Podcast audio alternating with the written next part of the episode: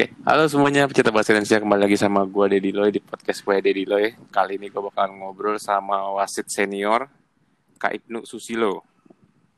Halo Kak, Halo, selamat malam Mas Dedi. apa kabar nih? Alhamdulillah baik. Gimana kabar Mas Dedi? Baik, Baik. juga ya. Baik.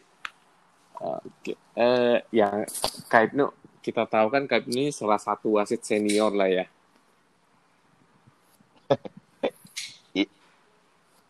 Iya, bisa bilang gitu kali ya kalau dari usia ya. Eh udah berapa lama Kak Ibnu di wasit? Kayaknya sudah lumayan lah ya, lebih dari 10 tahun berkecimpung di wasit nih. Nah, Hmm, nah, eh, pertama kali mulai itu kapan sih? pertama kali saya mulai itu sekitar 2000 ya, tahun eh enggak enggak tahun 2000. Eh, iya, tahun dua, sekitar tahun 2000 kalau nggak salah saya mulai menjadi wasit tuh. Eh, waktu itu kenapa tuh tiba-tiba pengen jadi wasit gitu? Oh, tiba-tiba sih enggak. Jadi awalnya itu kan kebetulan saya kuliah itu di Fakultas Ilmu Keolahragaan di KIP Jakarta dulu, sekarang jadi UNJ. Hmm, ya. Kemudian eh, kebetulan pada waktu itu saya atlet taekwondo. Cuman tahun 96 itu saya mengalami cedera. Kemudian saya beralih ke eh, bola basket. Tapi karena memang posturnya tidak memiliki kelebihan gitu, relatif pendek, nah, maka kemungkinan untuk menjadi pemain yang lebih bagus kecil. Akhirnya kemudian saya beralih menjadi pelatih. Sebenarnya cukup sukses di karir kepelatihan gitu. Dalam beberapa tahun itu memang cukup signifikan lah prestasi yang didapatkan. Tapi memang kalau saya melihat kemudian susunan perpelatihan yang ada di DKI Jakarta itu layernya sangat dalam tuh. Ada layer 1, 2, 3, 4, 5 untuk mencapai sebagai jajaran pelatih yang dibilang sukses, sangat berat persaingannya. Akhirnya kemudian saya melihat di perwasitan, saya melihat eh, tingkat persaingan tidaklah seketat di dunia kepelatihan. Nah, saya mulai banting setir ke dunia perwasitannya alhamdulillah sampai sekarang. Itu ceritanya, Mas. Hmm, oke. Eh, dulu itu jadi pelatih ngelatih di mana tuh Kak Ibnu? Eh, lumayan saya beberapa kali eh, melatih di tim-tim sekolah SMA, kemudian saya pernah membawa tim putri UNJ itu, putri ya tim putri itu ke Libama Nasional. Saya juga pernah melatih di lembaga pemasyarakatan Cipinang selama empat tahun. Ini menarik juga tuh. di Tuh, ini ini menarik nih. Ngelatih ngelatih klub basket di LP gitu. Ngelatih napi bukan ngelatih klub, ngelatih napi. Oh ya, ah, sorry. Ah, Maksudnya ngelatih ngelatih Iya, tim bola basketnya mereka gitu. Iya, kemudian eh, saya juga pernah terpilih menjadi coach favorit di Converse High School. Jadi Converse mengadakan event, kemudian saya terpilih sebagai coach favorit. Kemudian 2017 masih ikut ikut kegiatan kepelatihan, malah terpilih menjadi salah satu dari tiga pelatih terbaik junior NBA tahun 2017 ya, dari Tahir Foundation. Itu, itu kalau Hmm. karir kepelatihan lah, Hmm, hmm, hmm. gitu. Eh, kita balik lagi ke masalah wasit. Iya. Eh, it- jadi eh, jenjangnya itu kalau misalkan kita mau jadi wasit di bola basket di Indonesia itu gimana sih Kak? Oh, jadi jenjang wasit di Indonesia itu dimulai dari tingkat eh, kota. Kalau DKI kan kebetulan ada enam wilayah ya, timur, barat, selatan, utara, dan lain-lain termasuk Kepulauan Seribu. Nah, di tingkat-tingkat kota itu dengan standar level wasit tingkat C. Nah, kemudian di tingkat DKI itu akan naik menjadi B2. Nah, nanti di tingkat nasional itu ada dua tingkatan, ada B1 dan A. Nah, terakhir level yang tertinggi itu akan ada level FIBA. Gitu. Biasanya untuk yang C itu eh, prasyaratnya itu yang selama ini belum berubah itu adalah paling tidak usia 18 tahun. Nah, kemudian biasanya untuk mencapai jenjang ke tingkatan selanjutnya paling tidak sudah berkecimpung secara aktif selama 2 tahun. Jadi kalau di tahun 2000 umpamanya jadi wasit C, untuk naik ke tingkatan B2 paling tidak 2 tahun sudah ber, eh, berkegiatan aktif di tingkat C selama 2 tahun dan seterusnya gitu Mas Deploy. Hmm, nanti di B2 mau ke B1-nya sama harus ada dua tahunnya itu. Iya, hampir seperti demikian ya. Walaupun memang di beberapa kasus ada yang ada yang juga me- me- mendapatkan privilege uh, berbeda lah gitu. Hmm, oke. Okay. Uh, tapi syarat syarat uh, untuk menjadi wasitnya itu syarat utamanya cuma dua itu aja atau ada mungkin harus ada Oh iya ada syarat rekomendasi uh, gitu kan? Yang pertama itu kan jadi kalau di mengacu kepada ADART yang dimiliki Pemprov DKI sebenarnya setiap klub itu wajib memiliki wasit. Kenapa? Karena fungsi wasit itu tidak hanya kemudian memimpin pertandingan saat ada turnamen atau event resmi, namun tugas wasit juga tugas salah klub juga membina membina itu membina tidak hanya pemain tapi wasit. Kemudian wasit yang akan berkontribusi kemudian berkontribusi untuk mengimbaskan peraturan ya mengimbaskan e, mensosialisasikan terkait peraturan pertandingan kepada anggota klub supaya gap pengetahuan an peraturan antara teman-teman pelatih, pemain dan wasit tidaklah jauh jauh jenjangnya. Kalau kalau gapnya terlalu jauh maka ini akan rentan menimbulkan konflik di lapangan. Nah, salah satu tugas utama wasit, nah itu mensosialisasikan itu. Kenapa kemudian klub sebenarnya harus memiliki wasit.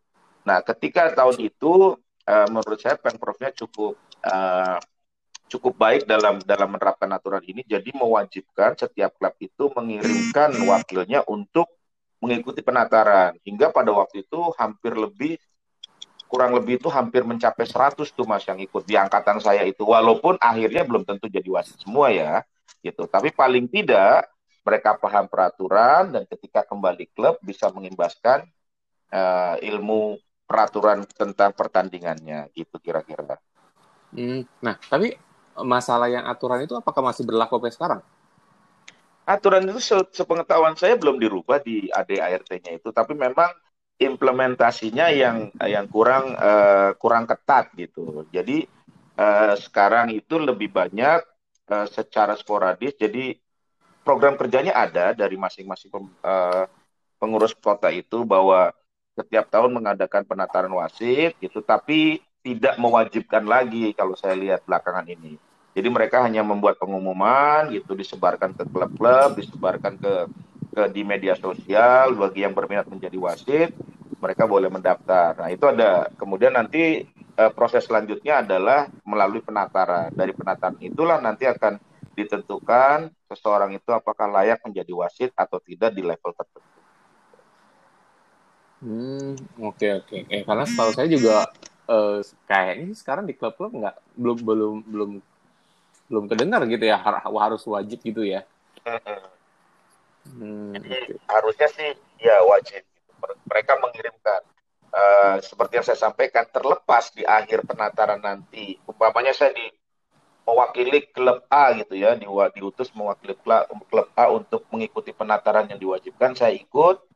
Begitu saya sudah mendapatkan ilmu, saya tidak meneruskan menjadi wasit pun jadi nggak ada masalah sebenarnya. Tapi tujuan utamanya adalah saya kembali ke klub, kemudian saya mengimbaskan dan mensosialisasikan aturan pertandingan yang sudah saya dapatkan melalui penataran. Sebenarnya itu tujuan utama.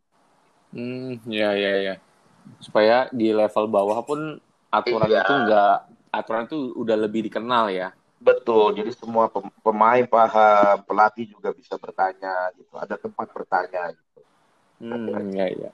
Nah, eh, sulit nggak sih sebenarnya kayak itu dengan proses penataran itu supaya kita mendapatkan lisensi C-nya itu? Uh, kalau dibilang sulit relatif ya, kalau menurut saya secara pribadi. Saya sendiri karena kebetulan uh, saya menyenangi olahraga, kemudian juga bergelut basket, bermain basket. Jadi relatif menurut saya secara pribadi cukup mudah gitu. Kalau menurut saya gitu. Hmm. Uh, tapi memang banyak uh, tingkat kesulitan itu memang ditentukan oleh masing-masing peserta. Tapi memang di akhirnya itu yang paling banyak menyebabkan kegagalan wasit biasanya kondisi fisik karena ada materinya itu kan selain teori, praktek juga ada tes fisik. Nah, itu biasanya banyak yang gagal di tes fisik. Hmm, oke. Okay. Nah, biasanya penataran wasit itu berapa lama kayak gitu? Ya, penataran wasit itu tergantung dari uh, tingkat levelnya gitu. Biasanya itu kalau tingkat C ya hari ya kemudian tingkat B2 sifatnya berupa refresh karena jenjangnya tidak terlalu beda antara wasit C dengan B2. Kemudian untuk B1 dan A rata-rata itu empat hari sampai lima hari tergantung durasinya. Kira-kira gitu. Hmm, oke. Okay. Nah, itu kalau sampai A. Nah, kalau sampai ke yang level FIBA-nya? Kalau level FIBA sebenarnya lebih lebih menurut saya secara pribadi tanda tanda kutip lebih mudah. Kenapa? Karena FIBA sendiri mungkin menurut saya menganggap bahwa pembinaan yang dilakukan di negaranya sudah maksimal. Jadi FIBA sendiri ya ini ada dua uh, saya sedikit menjelaskan ada dua rekrutmen yang dilakukan FIBA sebelumnya sebelum era tahun dua tahun yang lalu itu kita harus menghadiri uh, menghadiri penataran secara langsung. Jadi kandidat FIBA itu harus datang ya untuk mengikuti penataran biasanya dua hari. Nah, kemudian sebulan kemudian akan diumumkan lulus atau tidak. Nah belakangan dua, sudah sudah empat tahun belakangan ini FIBA menggunakan sistem rekrutmen baru rekrutmen barunya itu di mana wasit-wasit itu dipilih sebagai kandidat wasit FIBA oleh federasinya, oleh negaranya, kemudian namanya diserahkan ke FIBA, kemudian dari nama-nama kandidat ini akan menjalani proses pembinaan secara online, materinya dikirim selalu online, kita baca, ya, kemudian nanti akan ada ujian tertulis secara online, nah sementara ujian fisiknya mereka harus dilakukan di negara masing-masing, kemudian dikirim oleh federasinya dalam bentuk rekaman mendapatkan approval dari federasi negara masing-masing peserta. Gitu, Mas. Hmm, ya, ya ya. Jadi lebih dipermudah sekarang ya? Ya, relatif lebih mudah sebenarnya. Hmm, oke. Okay. Nah, eh, kalau kita ngomong namanya, tapi wasit ini bisa disebut sebagai profesi dong ya? Ya, bisa saya secara pribadi bisa menganggap sebagai profesi. Nah, e, kalau kita ngomong profesi, nah, apakah jadi wasit bola basket di Indonesia itu menjanjikan dari segi pemasukan? jadi kalau kita bicara secara, halo? Ya, gimana Kak Ibnu? Ya, jadi kalau tadi pertanyaannya apakah menjanjikan secara materi gitu ya? Iya, karena kan uh, ya namanya ya. profesi kan kita pasti berpikirnya loh kalau misalkan kita yeah. kerjain nggak bisa jadi sumber pemasukan kan ya yeah. gimana ya? Jadi sebenarnya kan uh, kalau kita bicara profesi itu, profesi itu kan pekerjaan yang membutuhkan sebuah pelatihan dan penguasaan terhadap suatu pengetahuan khusus. Jadi ada skill khusus yang harus dikuasai melalui sebuah proses. Prosesnya itu penataran lah, apalah gitu kan gitu. Itu adalah yeah, profesi. Nah, kemudian pertanyaan selanjutnya, apakah profesi itu kemudian bisa menjadi dalam tanda kutip untuk bisa menjadi uh, mata pencarian kita, ini lain hal, Mas Deadloy. Gitu. Uh, jadi contoh kasus umpamanya, kalau saya ber, uh, di Jakarta dengan tingkat uh, frekuensi pertandingan yang menurut saya banyak uh, dan paling banyak di antara provinsi lain, saya melihat itu sudah bisa menjadi profesi gitu. Mewajah sudah bisa menjadi profesi yang dalam tanda kutip untuk menjadi mata pencarian gitu. Karena profesi juga belum tentu bisa untuk menjadi mata pencarian. Nah sementara untuk beberapa daerah lain saya menganggap dan kalau saya boleh menjadi saran maka wasit itu tidak dijadikan sebagai uh, profesi untuk mm, men, uh, mencari mata pencarian kalau saran saya begitu kira-kira. Hmm, sorry, kalau dari kata-kata Kak Ibnu tadi berarti wasit ini sebenarnya dibayar itu per, gimana sih Kak Ibnu? Apakah ada gaji hmm. dari federasi kah atau hanya fee per per game gitu? Ya. Jadi uh,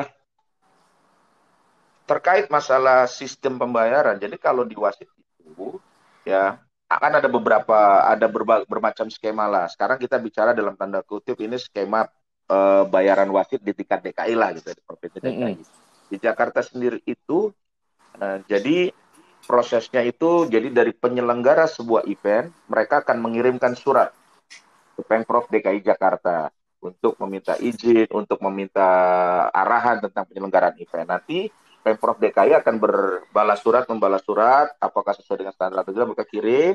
Nah kemudian mereka akan kirim perwakilan wasit untuk membantu technical meeting, untuk membantu uh, terkait manajemen pertandingan. Nah, pada saat hari H nanti akan ada wasitnya. Nah, di Jakarta sendiri wasit ini dibayar berdasarkan pertandingan. Jadi kalau dia mewasiti satu pertandingan, dia akan dibayar sekian untuk satu pertandingan. Kalau dia mewasiti dua kali, berarti dikalikan dua. Kalau dia mewasiti tiga, berarti dikalikan tiga dan selanjutnya. Gitu. Nah, eh, tapi kita gini, kalau kalau yang saya tahu gitu ya, karena yeah. saya juga hitungannya masih baru lah di dunia basket gitu kan. Iya. Yeah. Eh, ho, berapa sih sebenarnya dia uh, honornya itu? Okay. Karena yang saya tahu dulu ya, saya pernah uh -uh. lihat di pernah lihat di Instagram kalau nggak salah Perbasi DKI dah. Itu waktu itu pernah yeah. post tentang tentang ya itu seperti yang kait bilang di awal itu tadi yeah. uh, untuk misalkan mau bikin event, nah, itu ada yeah. ada ada hitungannya wasit 3 berapa, yeah. pengawas. Mm -hmm. uh, itu gimana tuh? Maksudnya apakah yeah. seperti yang di sana yang di, misalkan ditulis berapa puluh ribu per game terus yeah. itu diterima full oleh wasit atau emang ada berapa persen aja oh, gitu? ya. Oke. Ya. Oke. Ya, tersambung kembali. Ah. -hmm. Boleh dilanjutin Kak Ibnu yang Iya. Uh... Jadi kalau uh, hitungannya secara uh, itunya jadi kalau SD itu per satu game itu 180 ribu, SMP itu 190 ribu, kemudian SMA itu 200 ribu, kalau perguruan tinggi 250 ribu, sementara kalau eksekutif itu, eksekutif itu artinya di luar mahasiswa, ya biasanya antar perusahaan gitu kan, uh, hmm. itu 375 ribu, itu untuk dua wasit gitu mas. Oh itu harga uh, untuk yeah. dua gitu ya? Iya untuk dua wasit. Luar pengawas pertandingan. Ya di luar pengawas pertandingan betul. Hmm, Oke. Okay. Nah eh, angka saya sih pernah pernah ngelihat angka ini gitu tadi yeah. sana. Cuman mm -hmm. yang saya pengen tahu adalah eh, apakah ini semua diterima oleh wasit yeah. eh, semua atau memang ada ada apa ya mungkin jadi dipotong berapa persen iya, gitu skemanya skemanya dari ini kita uh, kita yang paling gampang pokoknya kita bicara di tingkat SMA deh dua ratus ribu gitu ya mm -hmm. Jadi untuk di tingkat SMA itu jadi dua ratus ribu itu adalah untuk dua orang wasit dan satu koordinator jadi bayaran koordinator itu setengah bayaran wasit jadi 80 wasitnya akan terima 80 ribu, 80 ribu, kemudian koordinatornya akan terima 40 ribu untuk satu pertandingan. Jadi total oh, 200 okay. ribu. Nah, tugas koordinator itu adalah selama pertandingan dia harus ada di sana, kemudian memberikan masukan kepada wasit, kemudian mengatur penjadwalan wasit, mencari wasit siapa yang bertugas dan seterusnya. Nah, terkait pertanyaan Mas Dedlo, ini dipotong atau tidak? Enggak ada. Jadi 80 eh, ribu itu se sepenuhnya akan masuk uh, menjadi hak milik si wasit gitu. Jadi biasanya dari panitia itu akan menyerahkan uang pertandingan itu kepada koordinator. Nanti koordinator yang akan membayar secara langsung kepada wasit gitu. Nah sementara hmm. di DKI sendiri kita ada yang namanya Asosiasi Wasit Bola Basket DKI Jakarta, disingkat AWABA. Nah, yeah. Nah, dari uang perwasitan ini nanti setiap wasit setiap pertandingan dia akan dipotong lima ribu rupiah, gitu. Jadi dari oh. Pengprov tidak ada potongan sama sekali. Jadi uang itu akan langsung menjadi sepenuhnya milik wasit. Namun wasit-wasit di DKI kita sepakat membuat asosiasi yang fungsinya segala macam itu banyak, mungkin bisa dibahas di lain waktu. nah, uh, kemudian uh, mereka akan dalam tanda kutip memberikan iuran lima ribu untuk per Oh oke. Okay. Nah uh, ada ini nggak sih kayak misalkan uh, ada di dijatahin misalkan uh, satu wasit minimal satu dalam satu bulan berapa kali game gitu? Uh, ada untuk itu. Kenapa? Karena yang pertama uh, jadi anggota WABA itu anggota wasit di Jakarta itu sekarang itu data terakhir uh, sekitar 106 orang gitu. Tapi memang 60% itu tidak tidak terlalu aktif gitu tidak terlalu aktif. Jadi yang benar-benar wasit itu hanya 40% gitu dari keseluruhan. Dan dari 40% dari 100% pun uh, sebagian memiliki kerjaan lain gitu. Ada yang jadi guru ada yang jadi karyawan gitu. Maka uh, kita tidak bisa memastikan bahwa setiap pertandingan dapat melakukan penjadwalan berdasarkan uh, available waktu dari masing-masing wasit. Maka sering terjadi di pertandingan itu satu wasit bisa mewasiti dua kali, tiga kali, bahkan sampai delapan kali dalam satu hari. Kenapa? Karena memang uh, beban beban jumlah frekuensi pertandingan itu sedikit tidak sebanding dengan ketersediaan wasit di DKI. Jadi bisa dibilang jumlah pertandingan lebih banyak daripada jumlah wasit yang available kalau di Jakarta gitu. Hmm, oke. Okay.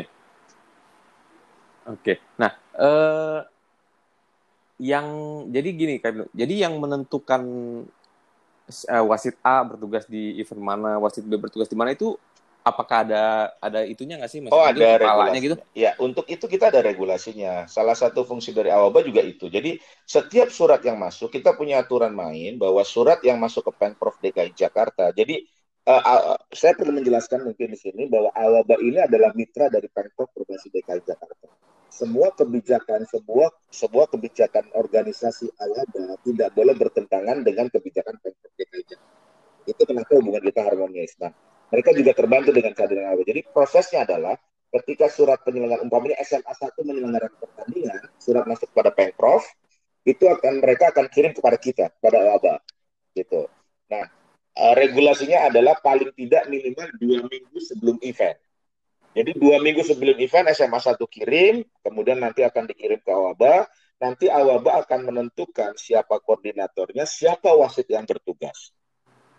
Jadi itu kita sudah punya uh, datanya bahwa wasit ini sudah pernah koordinator menjadi koordinator di sini, maka dia tidak bisa menjadi koordinator di sini. Wasit yang ABC sedang bertugas di SMA sini, maka dia tidak bisa bertugas di SMA 1 dan seterusnya. Itu ada regulasinya. Kita ada regulasi tersendiri, Mas. Hmm, nah, untuk menjadi koordinator itu itu juga harus seorang wasit. Iya, betul. Hmm, oke okay, oke. Okay.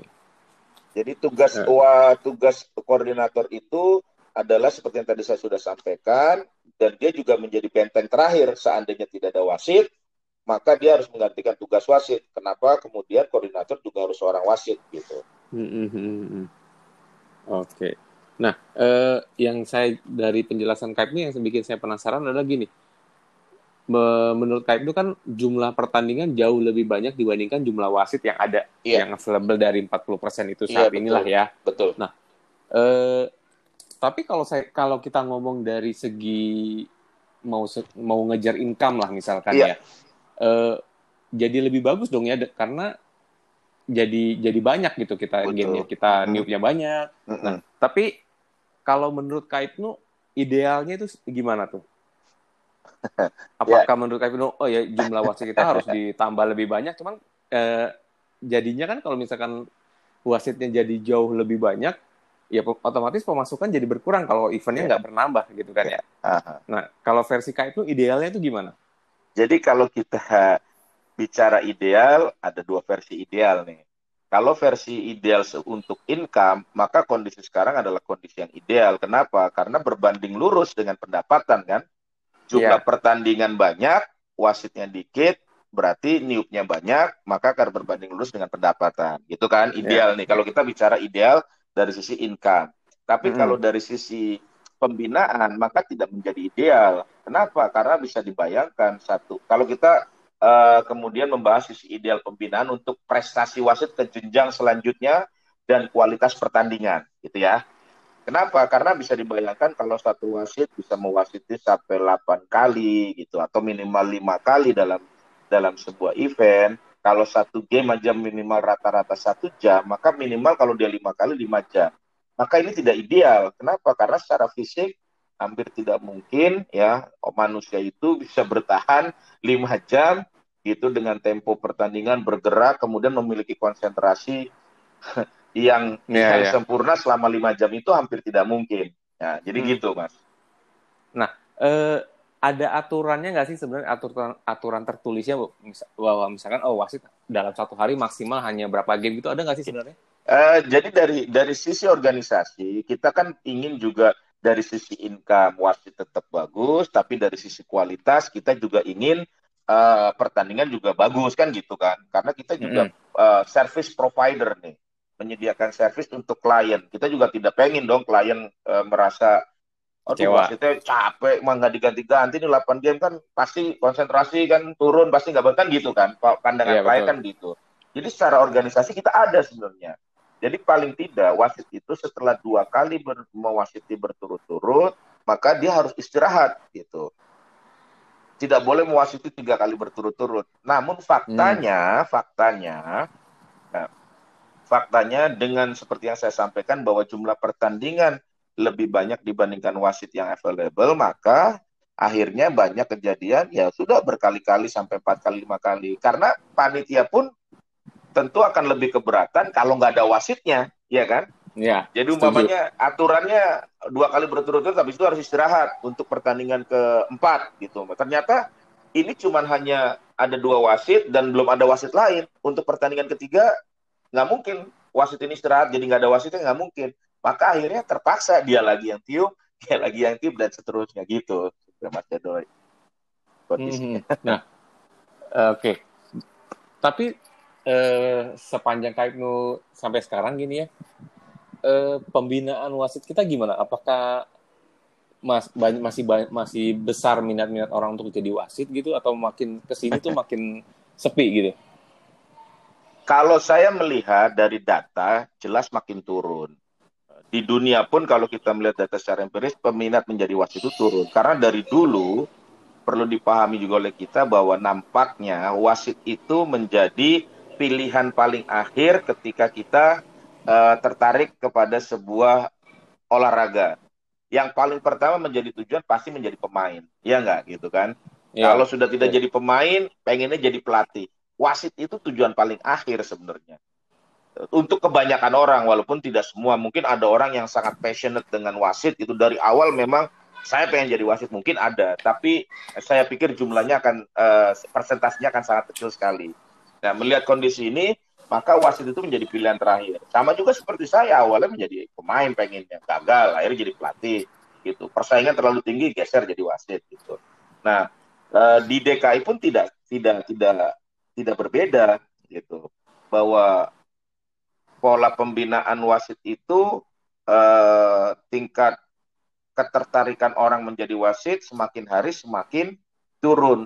Belum lagi terkait pertama tadi gitu kan, menurut saya memiliki dianggap strata terendah dalam klasifikasi di basket, komunitas basket. Yang kedua, eh, respon dari komunitas basket terhadap wasit menurut saya secara garis besar belumlah cukup baik menurut saya. Tingkat respect terhadap wasit belumlah terlalu baik sehingga menyebabkan banyak mungkin ada banyak kalangan yang ingin menjadi wasit akhirnya mengurungkan diri. Wah, kalau wasit gak enak ya. Setelah pertandingan dicaci maki, di ini padahal menurut yeah. saya pribadi itu adalah bagian dari tantangan menjadi seorang yang uh, orang wasit gitu. Jadi adalah hal yang biasa yeah. menerima menerima hal demikian. Tapi memang kan untuk beberapa uh, kalangan ini adalah hal yang tidak bisa diterima, unacceptable buat mereka, maka mereka mengurungkan uh, niat menjadi wasit. Ini ini juga sangat berpengaruh terhadap perkembangan jumlah wasit. Gitu, Mas. Nah, uh, kalau untuk sekarang ini porsi senior junior wasit senior wasit junior itu timpang nggak kayak itu? ya sekarang menurut Apakah saya lebih banyak senior gitu atau juniornya dikit gitu? Uh, kalau dilihat dari demografi usia sih tidak timpang, tapi jenjangnya kejauhan. Kenapa? Biar harusnya karena harusnya nih apa idealnya bukan harusnya, idealnya itu bahwa setiap tahun itu ada penataran, tapi faktanya setiap tahun di DKI uh, eh, tidak ada penataran. Jadi regulernya itu setiap tiga tahun baru ada penataran. Itu pun, halo, halo, ya, ya, saya, ya, ya saya mendengarkan. Itu pun uh, jumlah jumlah yang kemudian menjadi wasit itu hanya paling paling banyak itu 50% dari peserta. Padahal pesertanya paling banyak 30. gitu. Jadi Oke. Okay. Uh, jadi uh, kalau dibilang jadi demografinya itu gitulah. Jadi jenjangnya memang lompat-lompat karena memang uh, penatarannya pun tidak tidak konsisten setiap setiap tahun. Kalaupun setiap tahun jumlah yang menjadi wasit tidak seperti yang diharapkan. Tapi memang belakangan tidak setiap tahun gitu. Nah, eh, kalau kita nah, eh, kalau kita dengar versi Skype seperti itu kan otomatis kalau kita berpikir jangka panjang berarti kan makin lama makin gak ada wasit dong nantinya. Iya, itu yang memang harusnya menjadi menjadi salah satu menjadi titik titik poin dari uh, organisasi resmi yang yang menjadi regulator gitu. Karena kalau saya melihat catatan statistik di IBL saja di tingkat nasional, gitu kalau saya baca di di di sebuah majalah basket gitu kan sekarang untuk tiga tahun terakhir ini 35 wasit yang ada di IBL itu aja average rata-rata usianya itu kan 36,8 tahun. Berarti cukup hmm. cukup tua gitu. Dan itu pun hanya 12 orang yang secara reguler mewasiti. Dari 35 12 orang ini reguler mewasiti karena dianggap dalam tanda kutip paling berkualitas kan gitu. Sisanya ya bahkan hanya ada 14 orang yang hanya satu musim menguasai berarti cuma sekali new habis itu didepak dari dari IBM. Nah, itu saya lihat berarti kan ada sebuah stagnansi terkait pembinaan wasit muda gitu. Nah, uh, me menurut Kak itu gimana tuh untuk ngeru ngerubah ini gitu nah. supaya apa ya? Kalau enggak ya ya saya sih berpikir panjangnya kalau ya mungkin bisa 10 tahun ke depan lagi wasit kita bisa cuma berapa orang doang kali nantinya. Karena yang yang senior senior pasti kan nggak nggak uh, apa ya mungkin pasti udah pensiun gitu kan. Tinggal yang muda-muda sekarang jadi senior kan yeah. jadi makin berkurang. Sepakat mas. Jadi ya, pertama yang kita lakukan di Awaba sendiri gitu bekerja sama dengan pemprov uh, kita berusaha alhamdulillah dalam dua tahun ini kita setiap tahun itu sudah mengadakan penataran terlepas memang jumlah pesertanya belum sebanyak yang kita harapkan. Kemudian yang kedua, kita dalam ke depan itu berusaha bekerja sama dengan perguruan-perguruan tinggi. Uh, terutama kita akan mencoba jalan membuka kerjasama dengan Fakultas Pendidikan Olahraga agar uh, perwasitan ini menjadi salah satu materi dalam perkuliahan bola basket. Jadi kita sudah ada perbincangan secara verbal dengan teman-teman di sana bahwa kita siap diundang kapan saja untuk menyampaikan materi tentang perwasitan gitu supaya paling tidak ada yang tertarik menjadi wasit gitu. Yang tidak kalah penting adalah terkait ini kalau kita bicara nasional ya gitu ya. Ini kan eh, berhentinya wasit-wasit yang sudah eh, sudah sudah mapan pun kan ada banyak faktornya. Salah satu faktornya menurut saya juga terkait masalah eh, kemapanan secara finansial. Ya, ini adalah hal yang lumrah di mana pun manusia dia akan mencari yang lebih comfort yang lebih lebih menjanjikan. Kalau di perwasitan di dianggap buat mereka menjanjikan maka mereka sebisa mungkin bertahan. Betul nggak? Gitu kan? Tapi kalau menurut mm -hmm. mereka di perwasitan tidak menjanjikan sementara ini dapur tetap harus running ya maka pilihannya kalau ada yang lebih baik dia akan keluar akan mencari yang lebih baik. Dan ini juga menurut saya hal yang perlu diperhatikan terkait terkait eh, lambatnya pembinaan wasit ini. Gitu mas itu hmm ya ya. Oke. Uh, mudah-mudahan lah ya uh, ketemu solusi yang apa ya yang cocok lah ya untuk untuk ini nih pembinaan wasit muda. Amin. Nah nah eh nah kondisi sekarang kan lagi pandemi yeah. nih mm. itu gimana tuh wasit yang kita dengar sebelumnya kan dibayar per game yeah. ini aja gamenya nggak ada mm -hmm. gitu Iya, pandemi ini memang cukup berat ya, memukul berat gimana, sekali. Iya, berat sekali memukul ini. Sebenarnya nggak hanya wasit, tapi hampir semua kalangan lah ya. Tapi seperti yang tadi kita sudah bahas bahwa wasit itu kan dibayar berdasarkan pertandingan. Maka ketika pertandingan nggak ada, ya sama sekali nggak ada pemasukan buat teman-teman wasit gitu. Walaupun tadi seperti saya sampaikan, tidak semua wasit memang kerjanya hanya wasit. Nah, yang yang paling eh, paling prihatin ini adalah teman-teman yang benar-benar hanya berprofesi sebagai wasit. Ini yang paling terkena dampaknya. Uh, yang pertama perlu saya sampaikan juga mungkin sekaligus uh, karena ini di forum yang umum kita mengucapkan banyak terima kasih pada para budiman yang mensupport uh, wasit-wasit selama pandemi ini gitu ya. Ada banyak uh, klub ada dari dari organisasi Jakarta Barat mereka membantu kita.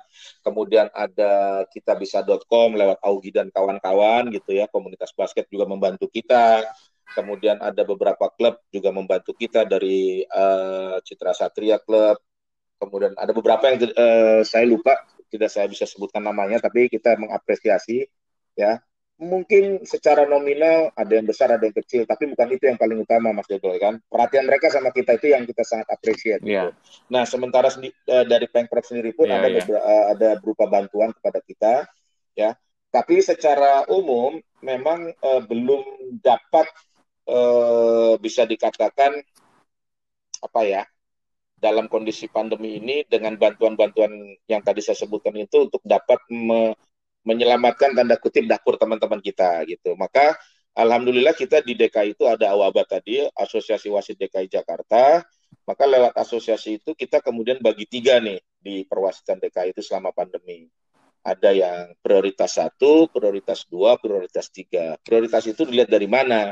Gitu. Itu dari kemampuan secara finansial, kemampuan uh, survive, uh, kemampuan mereka survive selama pandemi ini.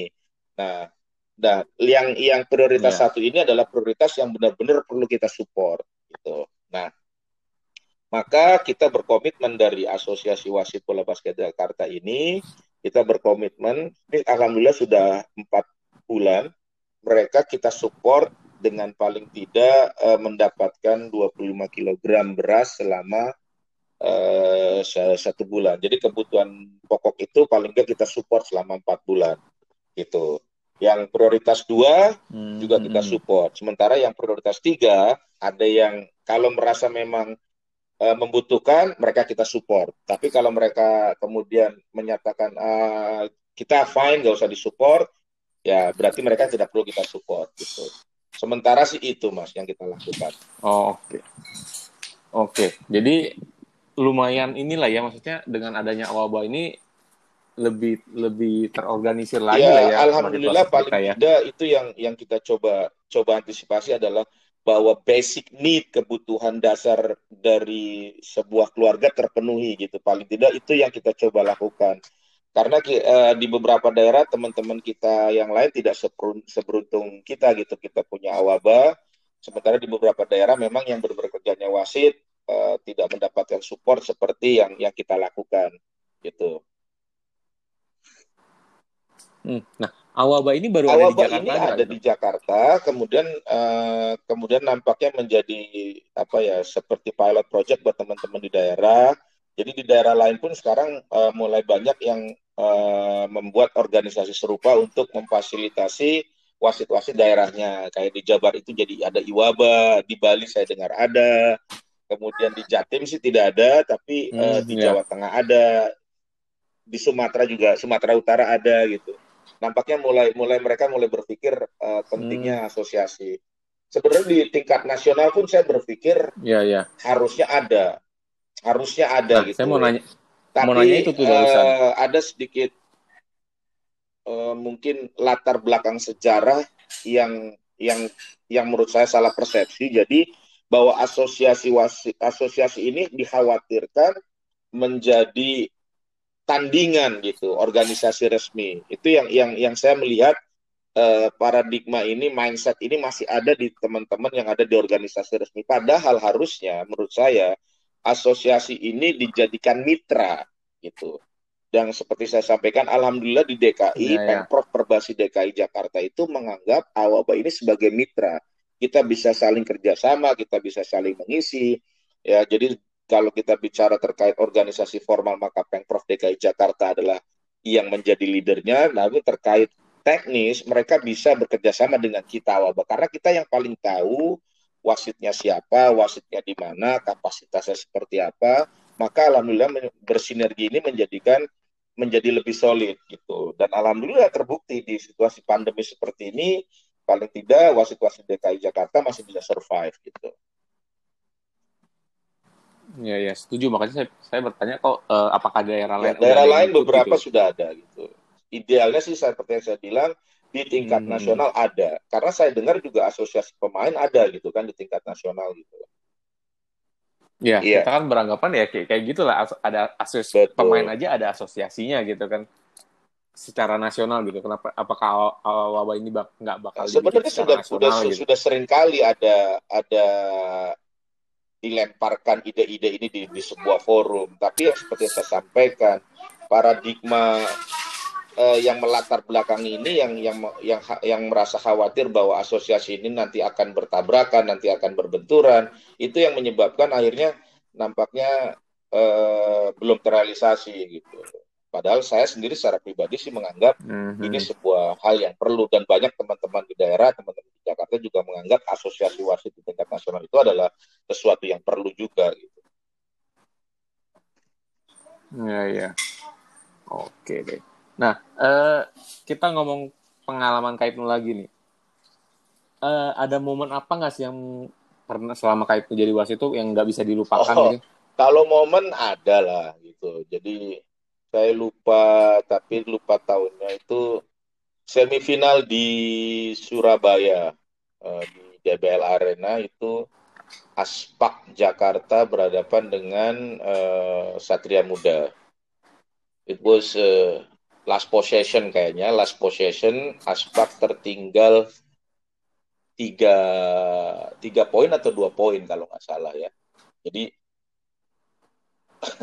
pada waktu itu Rama itu dia melakukan gerakan di act of shoot tiga angka. Posisi saya terlalu dekat dengan hmm. kejadian. Benar-benar di bawah Rama. Jadi posisi saya di atas three point gitu, tapi terlalu dekat dengan Rama. Kemudian Amin Prihantono itu coba melakukan block shot, gitu. Oke, uh, terjadi foul.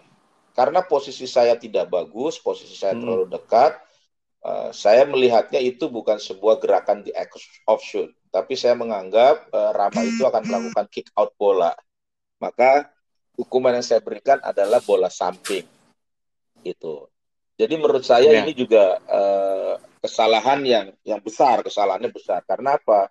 Kalau seandainya itu diberikan hukuman free throw 3, bisa jadi itu akan overtime atau Uh, saya lupa karena ketinggalan dua atau tiga gitu atau Aspak memimpin saya lupa walaupun belum tentu poin hmm. free gitu kan tapi jelas ini adalah sebuah keputusan yeah. yang yang yang merubah hasil pertandingan gitu uh, gitu ya jadi ya ya sudah buat saya ini adalah pelajaran yang sangat berharga gitu karena posisi saya tidak bagus kemudian nah. prosedur yang saya lakukan juga tidak hmm. tepat hmm. gitu ya yang saya lakukan paling saya hanya bisa meminta maaf kepada coach Iris Wariris sudah terjadi uh, dan yang paling penting adalah ketika wasit membuat kesalahan, yang pertama kesalahan itu bukan karena diniatkan untuk membuat keuntungan sebuah tim lawan itu yang paling penting.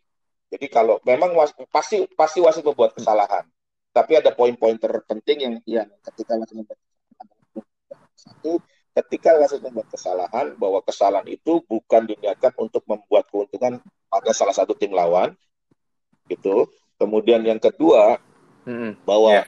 kesalahan itu tidak terjadi di saat-saat terakhir pertandingan, which is terjadi pada saya, gitu. Yang ketiga bahwa setiap kita membuat kesalahan, kita tidak boleh melakukan kesalahan ulang atau memberikan ban, apa memberikan payment call kepada lawan untuk selanjutnya. Itu yang boleh terjadi gitu. Tapi udah terjadi ya, iris waridis ya. Hmm. Oke oke.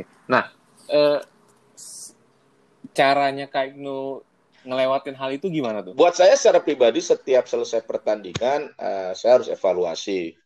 Nah, salah ya harus dengan gentle mengakui kesalahan. Jadi yang bisa saya lakukan adalah pertama saya meminta maaf pada coach.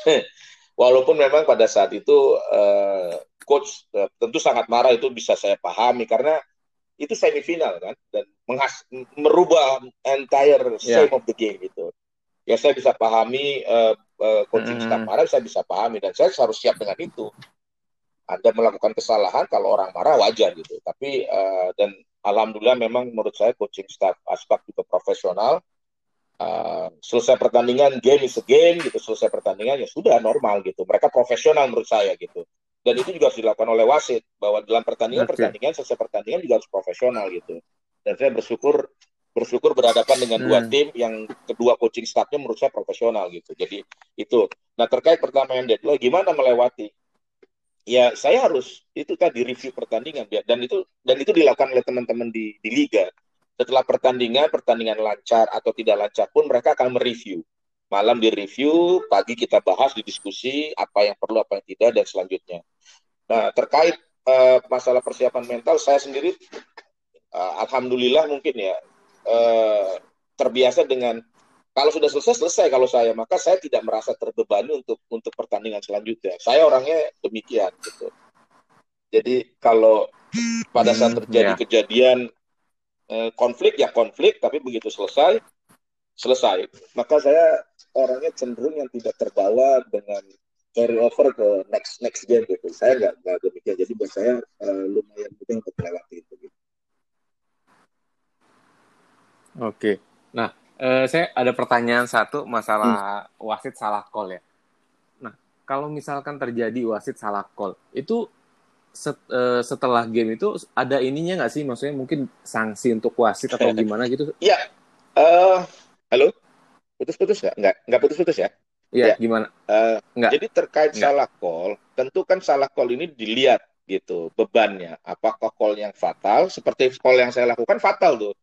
Maka uh, pada waktu hmm. itu saya dalam tanda kutip sedang uh, one of my best performance urutannya gitu. Sebelum kejadian itu saya lagi dalam uh, my best performance gitu. Ada ada kemungkinan saya akan mewasiti okay. pertandingan final karena buat wasit pertandingan final adalah tujuan akhir gitu itu kan sebenarnya kan uh, the, the most prestigious gitu. Oh. Tapi setelah okay. kejadian itu saya totally diistirahatkan yeah. sama koordinator dan saya paham dan saya harus terima. You made a big mistake ya wajar gitu.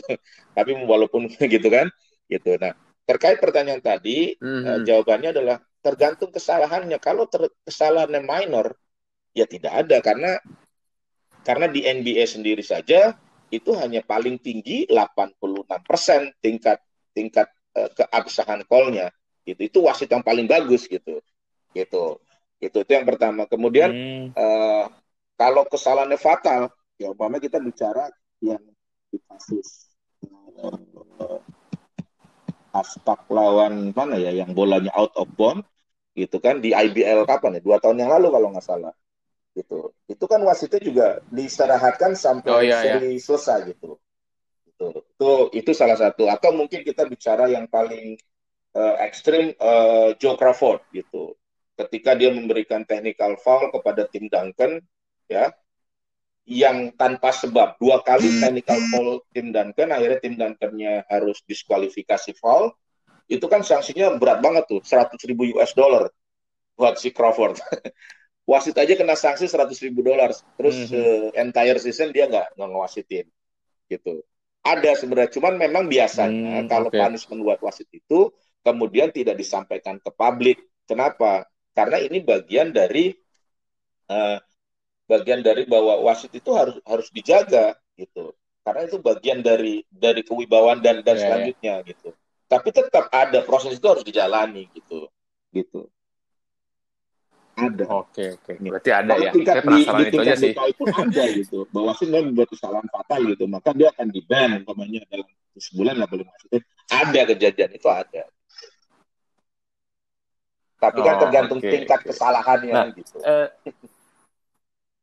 iya. Iya, iya. Ada review lagi lah ya.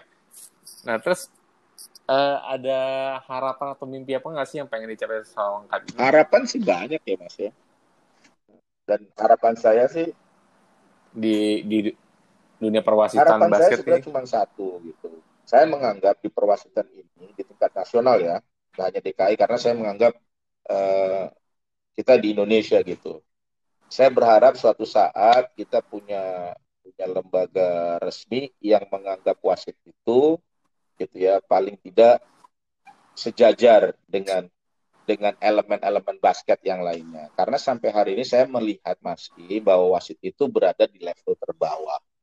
Gitu. Tingkat perlakuannya masih adalah prioritas terakhir. Kita belum belum belum belum se sejajar, tidak usah sejajar dengan pemain. Kita masih belum disamakan dengan pelatih, dengan elemen-elemen basket yang lain, bahkan dengan table official sekalipun. Padahal menurut saya itu salah satu bagian dari pembinaan berhasilnya sebuah event itu juga eventnya bagus, kalau wasitnya nggak bagus, maka pertandingannya nggak bagus. Ya. Wasitnya bagus, pertandingannya nggak bagus, juga nggak jadi bagus gitu. Nah harapan saya sih itu, jadi wasit itu eh, diperlakukan paling tidak gitu ya, sejajar dengan elemen-elemen basket yang lain. Harapan saya itu. Hmm, oke. Okay. Ya. Nah, ini terakhir Kak Ibnu. Ada pesan-pesan apa nggak buat mungkin buat wasit-wasit muda, buat orang-orang yang mungkin ada minat menjadi wasit uh, gitu? Di, saya berharap buat uh, teman-teman muda gitu ya. Kalau saya bicara teori probabilitas, probabilitas nih ya. Karena ini sudah saya lakukan. Teman-teman yang yang tingginya di bawah 175 gitu ya. Ya. Kemudian umurnya sudah 18 hmm. tahun ya. Saran saya bergeser kalau nggak jadi pelatih jadi wasit kalau tingkat pelatih juga terlalu banyak, saran saya di wasit karena akan memberikan kesempatan kepada Anda untuk bisa berkarya lebih maju dan jangan lupa menjadi wasit juga bisa membawa nama harum bangsa Indonesia karena wasit kita sudah beberapa yang menurut saya sudah berada di top level dunia gitu. Dan uh, yang paling penting lagi bahasa Inggris. Gitu. Karena untuk mencapai jenjang internasional adalah sebuah keharusan, adalah sebuah hal yang mutlak menguasai bahasa Inggris dengan baik. Gitu. Jadi kalau di tingkat nasional sudah bagus, namun kemampuan bahasa Inggrisnya kurang, maka di tingkat internasional ini akan menjadi kendala yang yang menurut saya sangat berpengaruh terhadap keberhasilan wasit di tingkat internasional. Itu Mas Indra.